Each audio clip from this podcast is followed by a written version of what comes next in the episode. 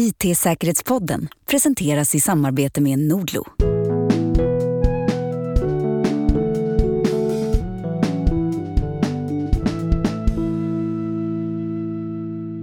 Bilindustrin och i synnerhet svenska Volvo har ständigt utvecklat nya säkerhetslösningar ända sedan trepunktsbältet kom i slutet av 50-talet. Men vad händer när säkerhetssystemen blir avancerade och komplexa och dessutom uppkopplade? Ja, din bil fullkomligen läcker av information till amerikanska och kinesiska tillverkare om dig och ditt beteende och allt du gör bakom ratten. Men hur farligt är det? Och hur hänger det ihop med det som Elon Musk lovade oss redan 2015 med självkörande bilar som skulle kunna rulla runt på våra gator? Mm. Ja, den tekniken har vi minst sagt eh, körts fram på en krokig väg. Men vi ska försöka tanka på kunskap, kära lyssnare av IT-säkerhetspoddens i detta avsnitt. Och vi som rattar podden är givetvis jag, Mattias Jadesköld och vår ständige baksätesförare Erik Salitis. Stanna! Are we there yet? Are we there yet? Are we there yet? Nej, det är en klassisk baksätesförare då. Ja, det är ju det. Mm, men det, det är väl så det är. Eh, läget då? Läget är bra. Det är torsdag kväll av någon underlig anledning som inte jag förstår. Jag trodde vi spelade in på andra dagar, men så är det. Mm. Nej, men det, det, det, är inte så underligt med torsdagskvällar. Det är ändå, vi följer ändå den gregorianska kalendern. Exakt, och inte den julianska. Sån påfund kan vi faktiskt inte tolerera. Hur är läget med dig? Jo, men det är bra. Det är torsdag kväll. Borrelian har lossnat i sitt grepp. Med benet också då, eller? ja, precis. Benet glömdes av. Nej, precis. Så det är lugnt. Um, uh, så det är som, uh, som man förtjänar. En, yeah. Snart en, en arbetsvecka bakom sig. Uh, men det kommer nya. Ja, det du, tror jag också. Det här är ju tips från en av våra lyssnare, Matte Lundgren. Så vi ska väl tacka för honom för det tycker jag. Tycker det här är ja. ett spännande avsnitt. Ja, det tycker jag. Det är någonting vi kan tillföra till det hela. För det är en väldigt spännande mm. effekt. För man har alltid kunnat tycka att det där med IT när det går sönder det är bara tråkigt. Men här kan det vara livsfarligt. Ja, Precis, men varken du eller jag är väl några bilnördar här. Eh, så det kan ju finnas lite känsliga tår vi kan trampa på här längs vägen. Vi får se. Ja, precis. Så är det. vi ska prata om säkerhet i bilar. Och nu, när man, nu för tiden när man köper en bil så köper man inte bara själva bilen utan man köper ju faktiskt en dator också. En dator som har en massa smarta funktioner men som också är uppkopplad till tillverkarens servicesystem. Och den skickar ju massor av data. Ja, telemetri och sånt. Telemetri. Alltså mm. det är ju mm. mätdata helt enkelt som du säger där. Och industrin de ställer sig väl frågan om hackare inte bara kan låsa upp bilen utan numera har möjlighet att störa den remote och sätta passagerarna i fara. Ja, precis. Ja, precis. Vi ska, vi ska, väl, eh, vi ska väl landa lite i de här liksom hotbilderna. Men jag tänkte i alla fall jag ska beskriva lite hur, hur, hur bilarna ser ut idag egentligen. Då. Varken, som jag sagt, varken du, varken du eller jag är väl några bilnördar sådär. Men, men eh, ja, vi ska väl ska berätta då. Ja, det tycker jag låter som en bra idé. Kör hårt.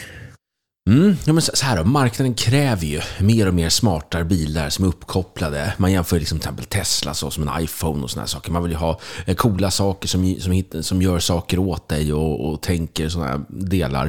Eh, det finns ju givetvis funktioner som GPS i den. Du kan också se trafikdata i realtid så man får upp en display där man ser bilar runt omkring dig. Du, får, du skickar också väldigt mycket data om bilen för tillverkarens skull då, eh, att kunna eh, vara proaktiv i olika servicearbeten. Den ska automatiskt kunna parkera åt dig. Eh, eh, ljudsystem som är uppkopplat, ja allt möjligt. Du ska kunna låsa upp mobilen med en, eh, nej du ska kunna låsa upp bilen med en mobilapp till exempel. Ja du, den kokar till och med kaffe åt dig snart, tror du inte? Jo, precis. Det tror jag säkert att den gör. Eh, och då tänker jag ju så här precis som du är inne på, liksom en, en hackare som inte bara kan låsa upp bilen. För det känns ju också som en sån där grej. Om du, om du kan låsa upp en bil med bara liksom ett, ett plastkort så borde man inte ganska enkelt kunna hacka en sån grej då? Okej, jag ska ju berätta en sak som är lite grann utanför ämnet. Men Naturligtvis. de här kodnycklarna som man har för att öppna bilen. Man går ut på något, eh, någon parkeringsplats och så håller man upp den här keyfob, alltså den här dosan och så säger bip, bip och så låser man bilen. Ja, just det. Det är väldigt lätt att hacka. Dels kan du spela in det hela och helt enkelt skicka in signalen när personen har gått. Men det är lite svårt att komma tillräckligt nära. Men vad du kan göra är att du lägger bärvåg på samma frekvens. De flesta av de här ligger på det som kallas för LPD-bandet. Ja, folk kollar inte så noggrant. Så de lyssnar inte efter de där bip-bip-ljuden och bara går därifrån och bilen är öppen. Mm. Du stör helt enkelt ut deras fob. Ja, just det. Precis. Ja, och det är väl den här frågan, det är väl en fråga liksom att det är ganska lätt kanske att, att liksom bryta sig in i bilen då, men att man kan styra en remote och såna här saker. Sätta liksom passagerarna som en slags gisslan. Ja, och föraren också för den delen. För att om bilen styr sig själv och någon tar över den, då blir det otrevligt.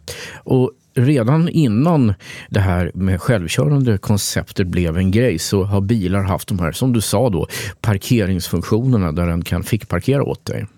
En Andy Greenberg från tidningen Wired fick sin bil hackad på det sättet på motorvägen. Men han var med på det. Han hade helt enkelt gett ett gäng pentestare rätten att prova det. Och han märkte helt plötsligt att den slog på kylan, alltså AC'n på kylan, lägsta kylnivån, så det var iskallt. Sen slog den på hiphop på radion och sen började den att styra ut honom i vägrenen.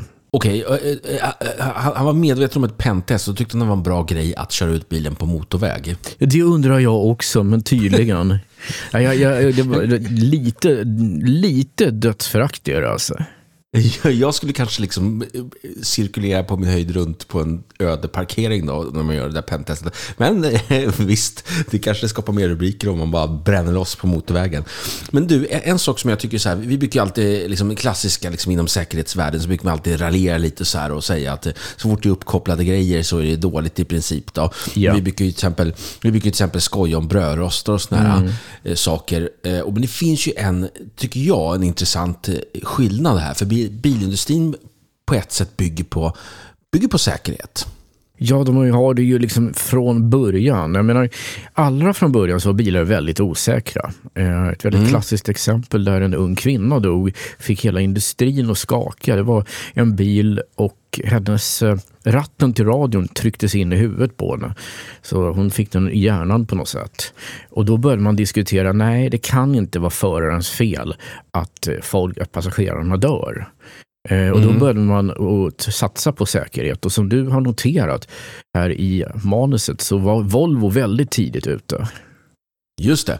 Så jag tänkte så här, för att förstå liksom säkerheten eh, kring bilindustrin så ska vi ta en resa tillbaka och, och se på de innovationerna. Och då, tar vi just naturligtvis till Volvo då, som, är, som är, har blivit ju världsberömda då, eh, liksom, eh, från slutet av 50-talet på- kring just säkerhet och bilar. Och det blev ju liksom li, lika med Volvo.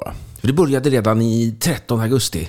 En varm sommardag 1959 så lanserades Volvo PV 544 eh, som världens första serietillverkade bil med trepunktsbälte. Ja, precis. Ehm, och det var Det- faktiskt eh, Volvos säkerhetsingenjör Nils Bolin som skapade det här.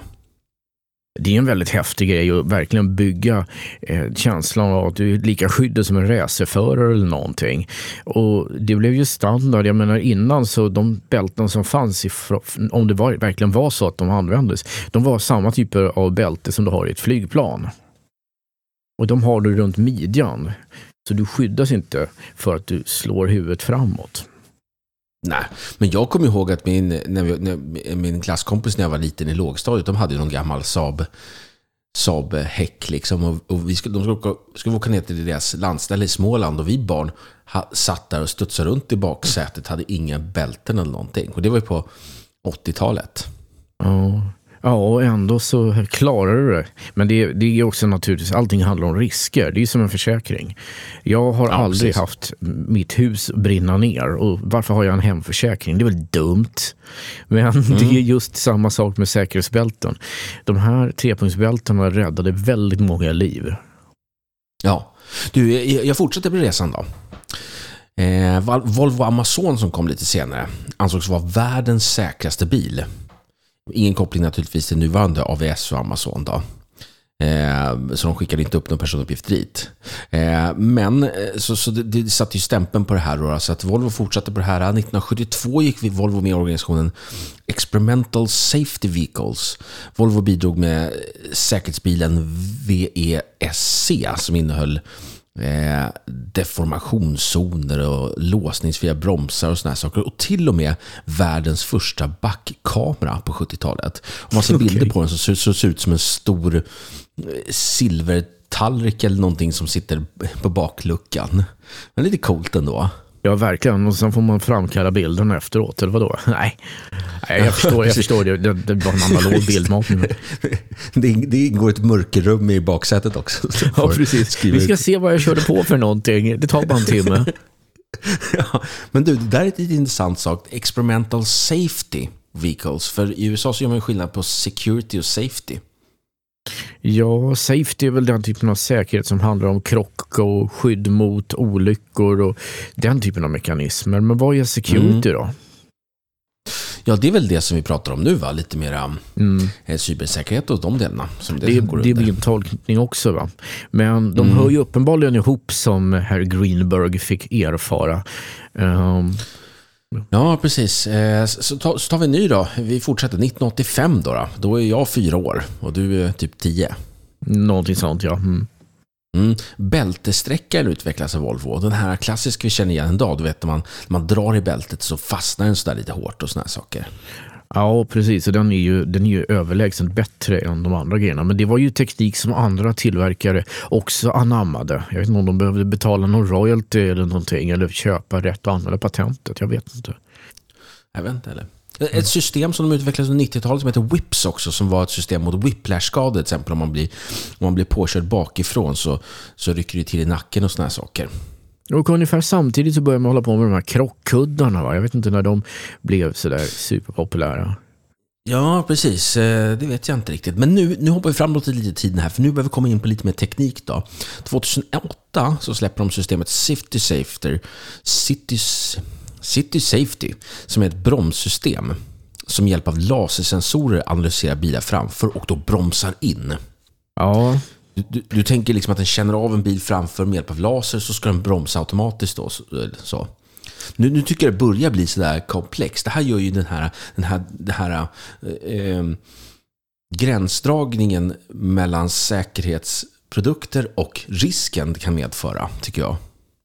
Ja, alltså grejen är ju det att om vi har en helt självkörande bil, vilket vi kommer in lite grann på, mm. eh, då är det ju fortfarande föraren som är ansvarig. Så en självkörande bil, där måste föraren ha ett körkort enligt svensk lag. Det är väldigt klart ja. alltså. Ja, ja. Mm. Jo, precis, men det är det jag menar på något sätt, att det blir en fin avvägning. Om man tänker sig ett, ett, ett säkerhetsbälte, det är ju naturligtvis en bra grej. Men om det är en sån här sak, det känns som att, eh, om vi tar det här bromssystemet bara här 2008, det känns som det kan bli ganska mycket fel också. Ja, komplexitet att... föder fel. Så är det ju bara. Ja. 2010 eh, då kom de på Pedestrian Detection som automatiskt bromsar för gångtrafikanter som går över vägen.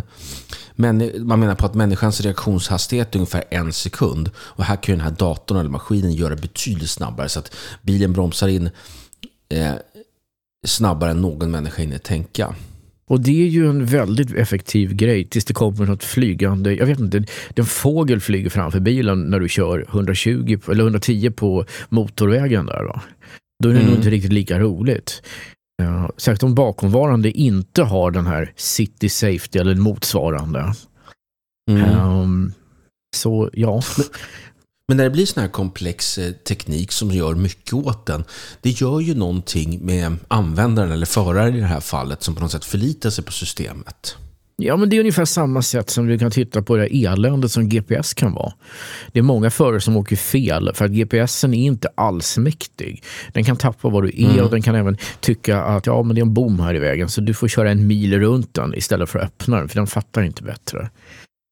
Ja, just det. Så vi får ju inte förlita oss för mycket på det här. menar, ett flygplan är ju ett extremfall. Större delen av tiden så gör ju inte piloten annat än ja, jobb för att hålla igång logistiken.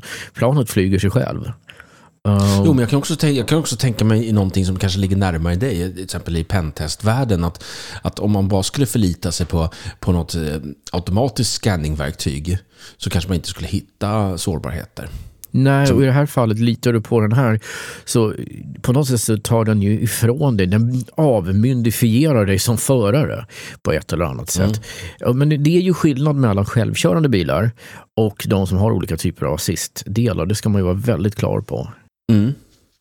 Du, jag tar mig fram till 2017 och det som dyker upp i alla Vo- Volvo XC70 är ett system som heter Oncoming Lane Mitigation.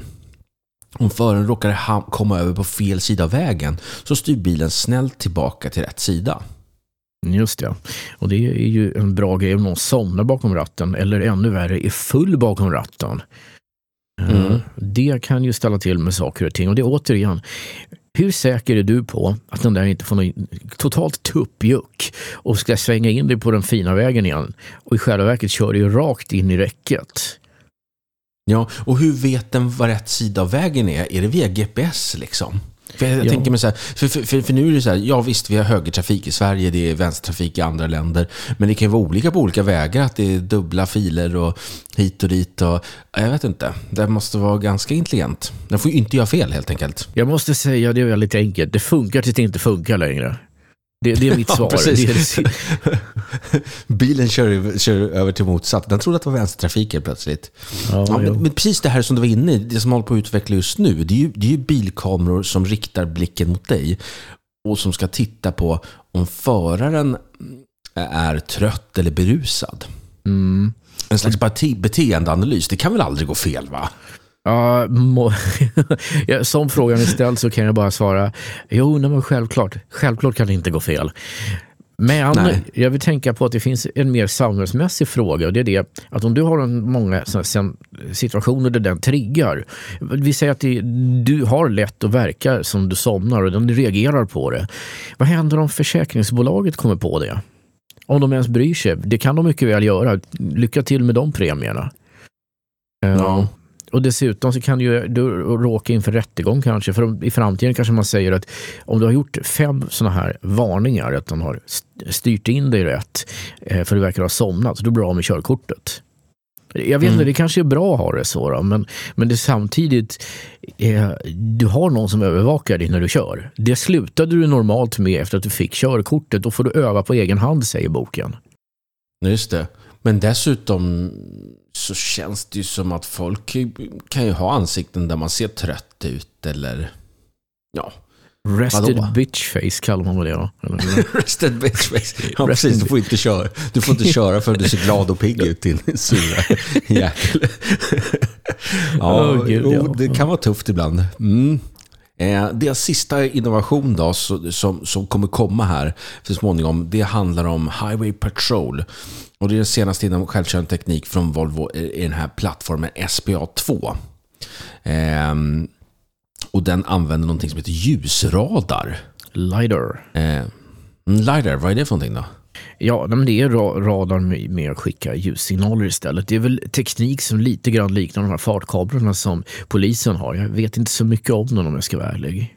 Ja, men det, det innebär att den hittar hinder på vägen genom att den mäter avstånd och reflekterar med laserljus och sådana här saker. Eh, och den här skulle då komma eh, i första bilen under 2022.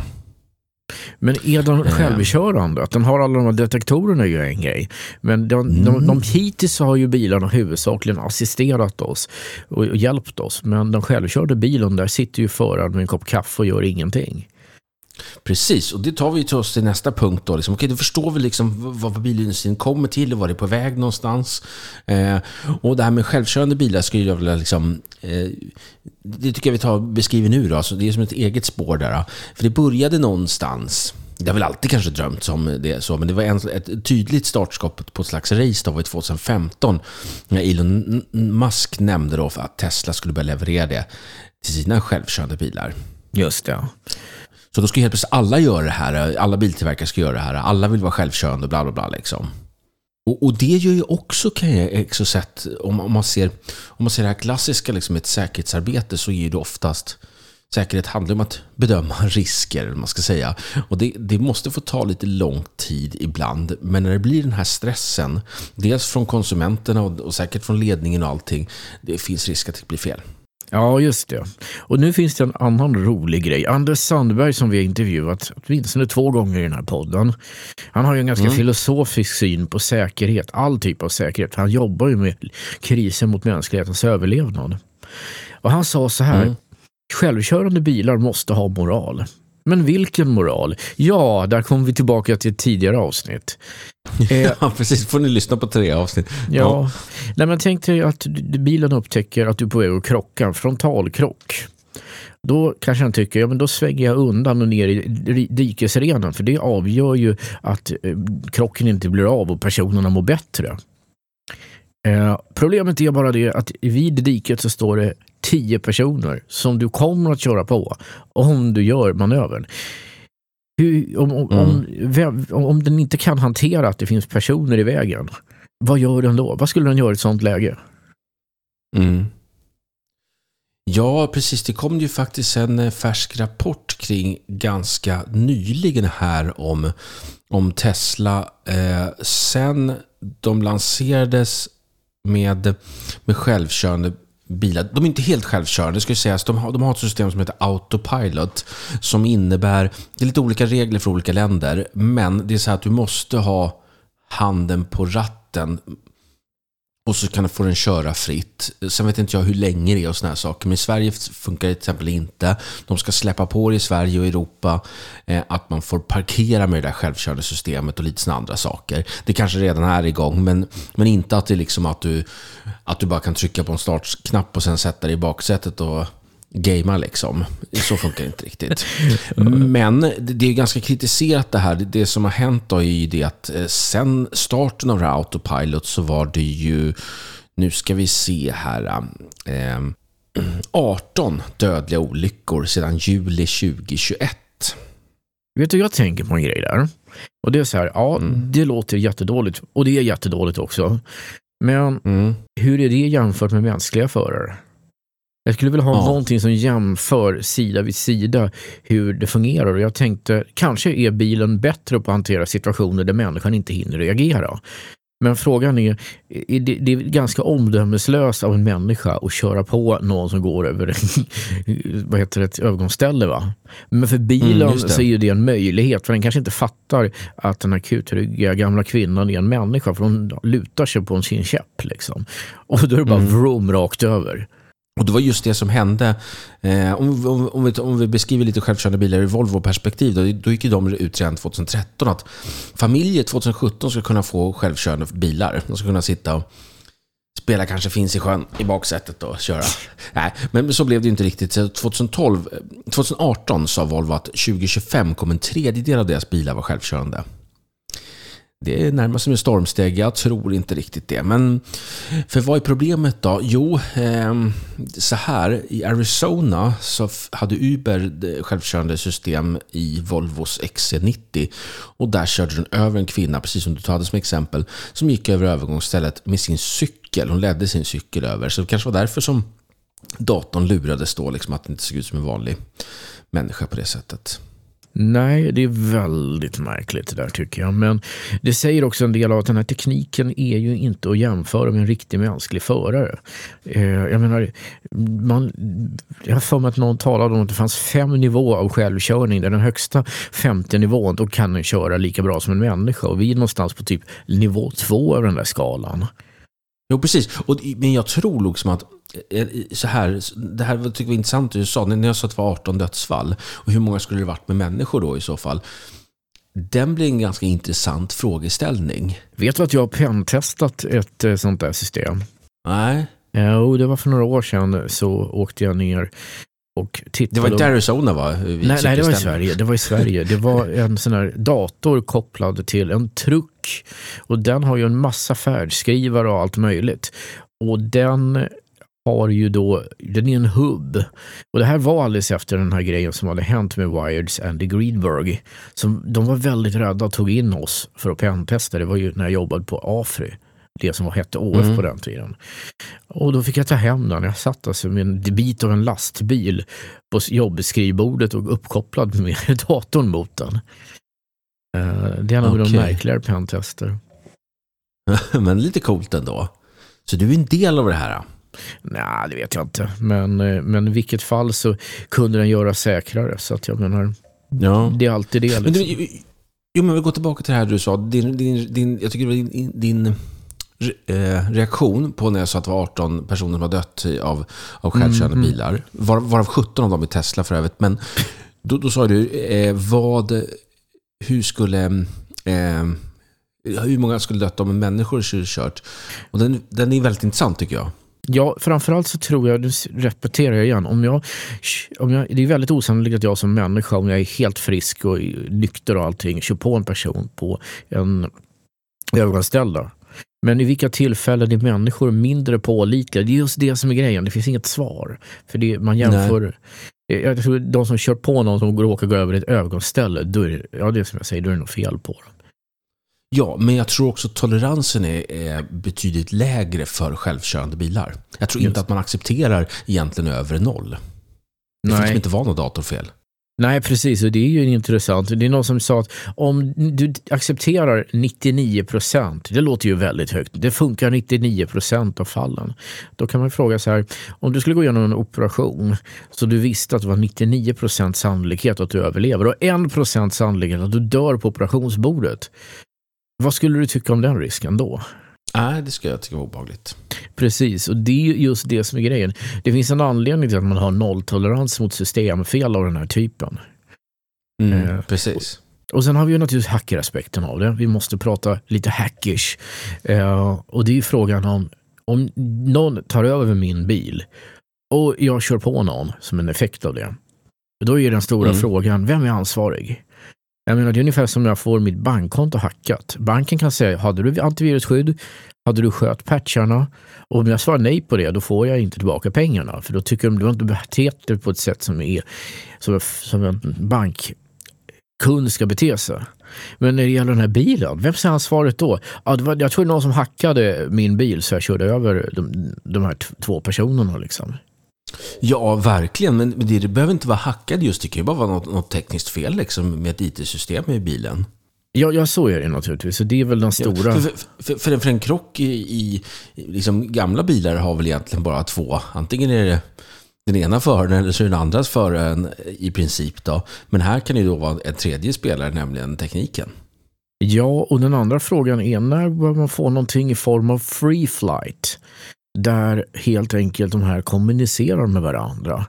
Eh, det, det i it-säkerhetssynpunkt så är det väldigt läskigt. Tänk att du åker förbi någon bil som hackar dig. Men ur ett trafiksäkerhetsperspektiv så är det ju nice. Det händer någonting, någon springer ut på gatan och alla tio bilarna stannar direkt samtidigt och lugnt.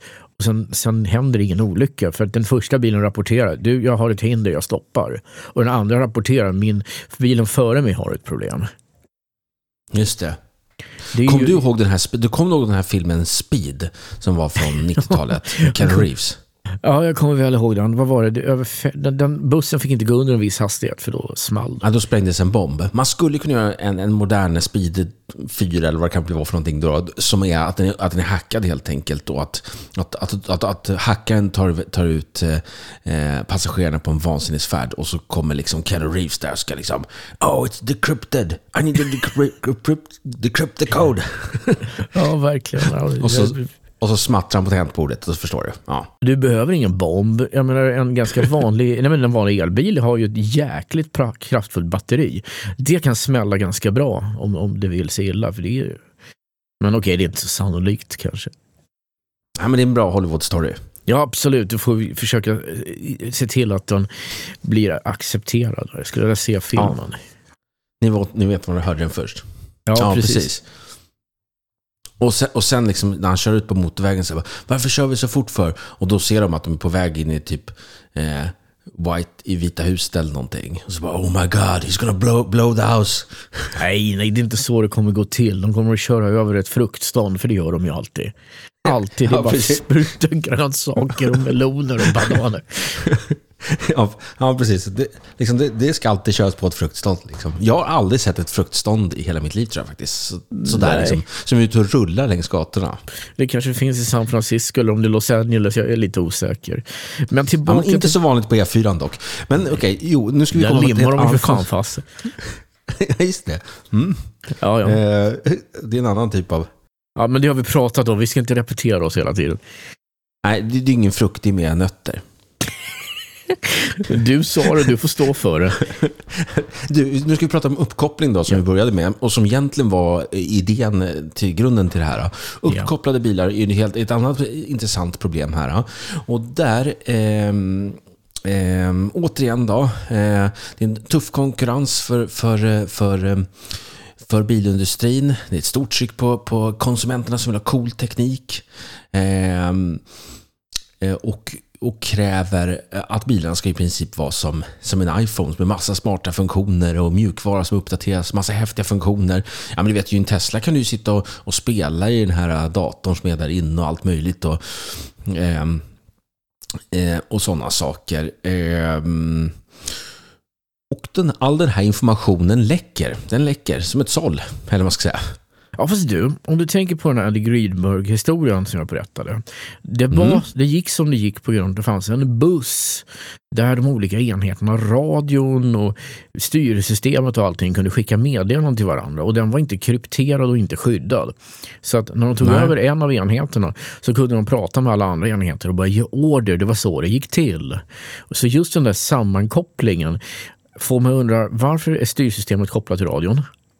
Kan, kan någon förklara det för mig? Kan någon förklara för det en bra idé? Via radion då. Ja, där allting sitter på samma buss. Ta över radion och du kan styra bilen. I alla fall med den modellen var det så. Så ser det ju kanske inte ut idag. Men ändå. Det är så otroligt konstigt genomtänkt. De kan bygga bilar med en massa skyddsbälten och deformationszoner och gud vet allting. Och så tycker de, äh, vi kopplar upp alla enheterna. What could possibly go wrong?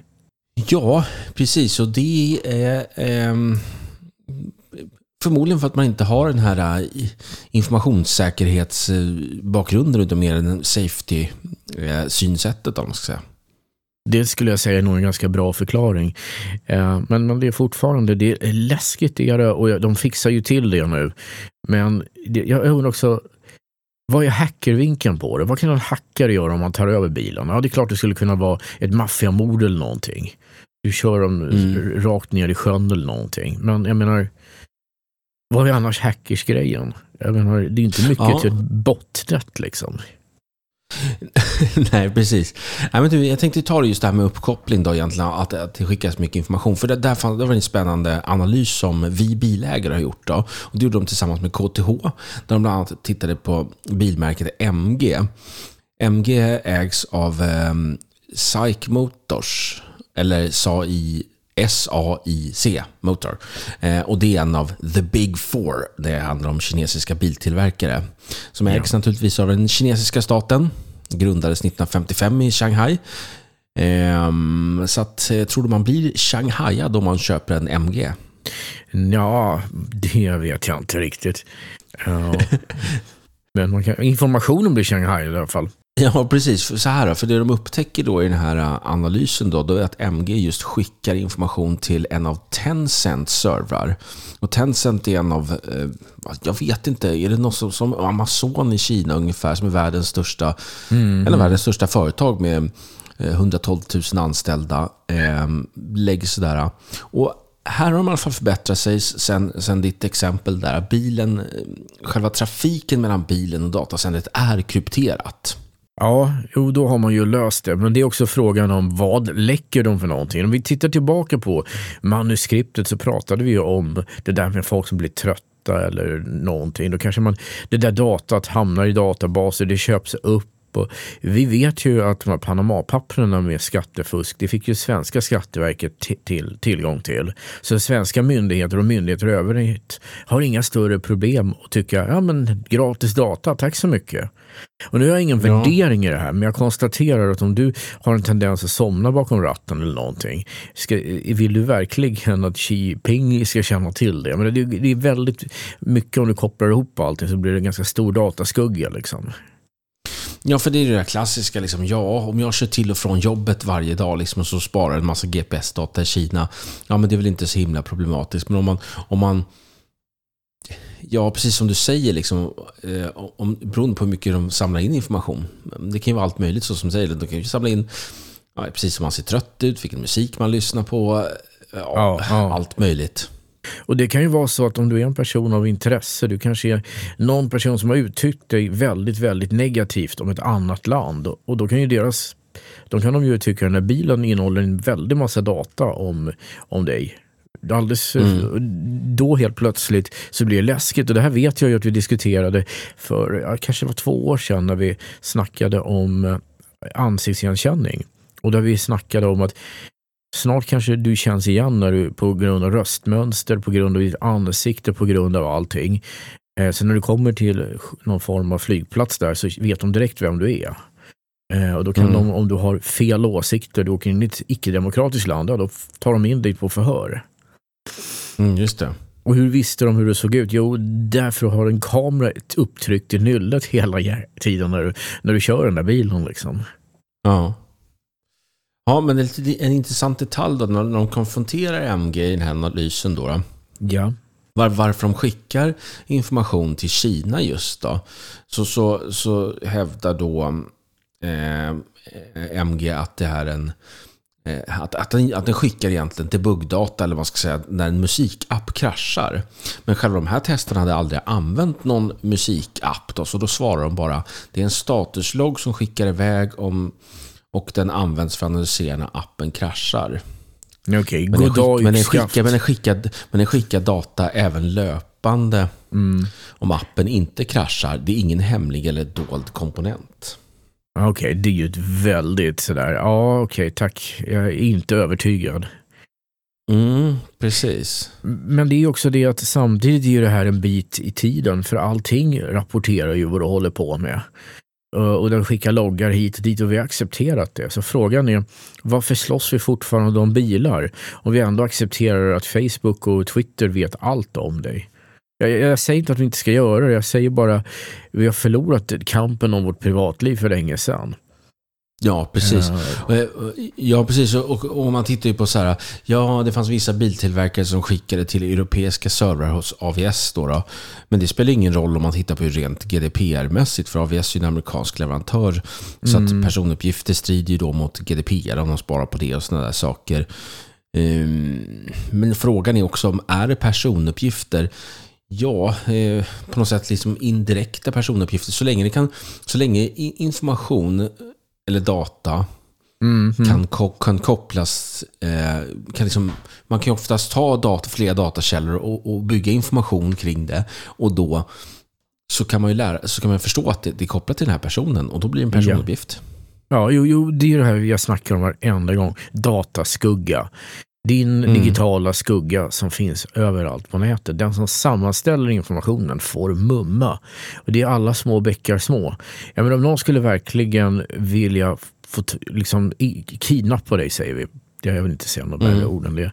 Eh, då kollar de så här, jag har kollat i loggarna på hans Tesla eller vad det nu är för bil. Eh, ja, men jag vet att han alltid på lördagar åker till det här stället. Det är sånt som mm. jag funderar på. Men, men jag vet inte, vi, är, vi paranoida? Det kanske vi är. I, det kanske vi är. Men, eh, ja. men det är nog fler som reagerar på, på det i alla fall. Då. Tills, tills, de inte, tills de inte ehm. gör det längre. Tills de slutar reagera på det och tycker, ja, ja, vem bryr sig om det? För att det är ju liksom gammalt nu att alla de här sociala mediesajterna egentligen är bara ett sätt att sälja dig som reklam. Eh, liksom. Mm. Men om man tänker sig liksom kring det här person, personuppgifter, då, så sätt man, sätt man är att man, att man sam, liksom, att det är en bil då, som, som kanske tio personer delar på. Men, ja. om, man tittar på men om man tittar på så, så ser man så ser man att bilen kör från ditt hem till det jobbet du jobbar på och fram och tillbaka de här tiderna. Ja, men då är det ganska uppenbart att det, är, att det är du av de här tio personerna som, som kör då. Liksom. Just det. Så just det. det är ju väldigt lätt att bygga ett mönster på något sätt. Precis, och känna igen de där grejerna. Jo, men där är vi ju nästan. Jag menar, om du vill ha en eh, tjänst som loggar vart du är på väg, prova Uber. på Uber kan du trycka på en knapp och jag kan skicka till dig eller till min morsa eller vem som helst som har en Uber-app. Följ min resa. Mm, just det. Så det, det är kul. Morsan brukar kommentera när jag ringer henne. Eh, Eller när jag skickar de där grejerna. När jag åker hem till henne så brukar jag roa mig med att skicka de där så att hon ser det. Och hon säger du åkte rakt igenom norra kyrkogården, genom sjukhuset och rakt ner i sjön. Så exakt hur säkra de där GPSerna är, det är mer tveksamt. Ja, precis. Jaha, du, jag tänkte ska avsluta lite, men jag ska ta några snabba frågor med dig. Ja men, kör hårt.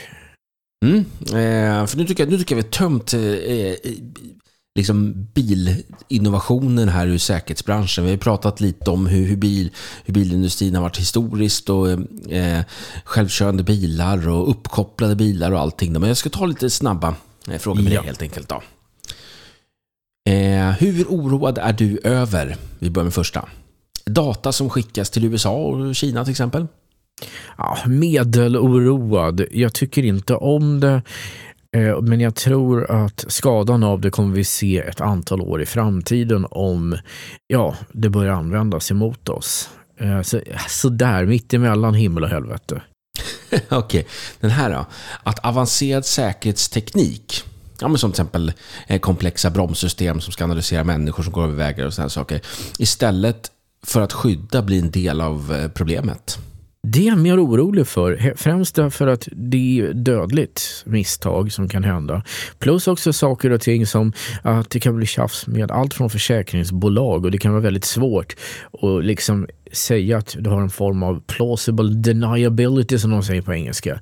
Alltså ett vettigt och acceptabelt skydd och säga nej men jag gjorde inte det här. Det var bilen som gjorde det. Eh, Och Mm. försöka skyddas på det sättet. Det är ungefär som om du hackar en bank och sen så säger du åt eh, att ja, men det hade någon som tog över min dator och styrde den. Det är lite svårt att motbevisa. Mm. Och den tredje då. Hur orolig är det här då? Att det är en kapprustning på något sätt kring självkörande bilar. Det är en förutsättning för att vi får dem. Det tycker jag är stenbra. Inte det minsta orolig. Om jag är orolig för någonting är att de ger upp på det innan. För det är ett stort industriellt problem att lösa. Att de kommer upp till den här nivån. Att de kan tänka tillräckligt bra för att ta över. Men vi måste fortsätta i den riktningen. Jag är för självkörande bilar. Det är bara det att vi är inte riktigt där än. Nej. Men är inte det som är problemet då? Att, att när det blir lite hets kring det, att det, liksom, att det blir stark konkurrens och alla vill vara först och så, att man slarvar då med, med säkerheten. Att, Det kan det absolut bli. Eh, Och det, Mm. det är ett hot. Så att, jag menar, situationen är inte riskfri, men jag tror att eh, de där grejerna blir bättre. Tyvärr måste det ju bli så att då säger folk att ja, de här personerna dog för den goda sakens skull och då, det är som att slå handen för pannan. Men snälla, vi, det- faktum att en enda person har dött på grund av det här är ju ett misslyckande. Eh, Mm. det, bilindustrin måste göra bättre än så här om, om vi ska lita på deras självkörande bilar. Men i sak vill jag absolut att vi ska ha det. ja, precis. Så, Hur oroad är du över självinspelande poddar? ja, det vet jag inte. Jag har aldrig sett någon. Jag, det är alltid jag som måste trycka på knappen där och du också numera. Ja, precis. AI-baserad podd. Ja, men vad fan. Erik och Mattias sitter och svamlar. I själva verket så är det Siri och Google, vad den heter nu då. Jag förstod inte vad du menade. Jag förstår inte vad du menar. Jag förstår, ja, gode gud. Nej, jag- jag, ser ingen större hot för vår poddverksamhet så det här. Det, det gör jag inte. Nej, nej, precis. I alla fall inte AI-mässigt. Nej, inte AI-mässigt. Det tror jag inte. Nej, men bra då Erik. Då har vi landat... ehm, eller inte landat, vi har kört klart på vår sträcka för idag. Vi har kört rakt in i en bergvägg och kommer ut därifrån blåslagna och säger okej, autopiloten av nästa gång. Ja, precis. Vi har nått målet. Eh, så vi får väl säga tack och gör så hörs vi nästa vecka. Ja, ha det så bra.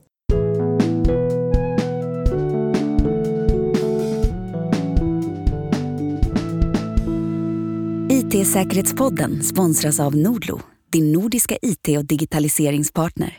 Med strategisk rådgivning, ett nära samarbete och med ansvarsfull och innovativ teknik hjälper vi våra kunder att driva digitaliseringen framåt. Läs mer på nordlo.com.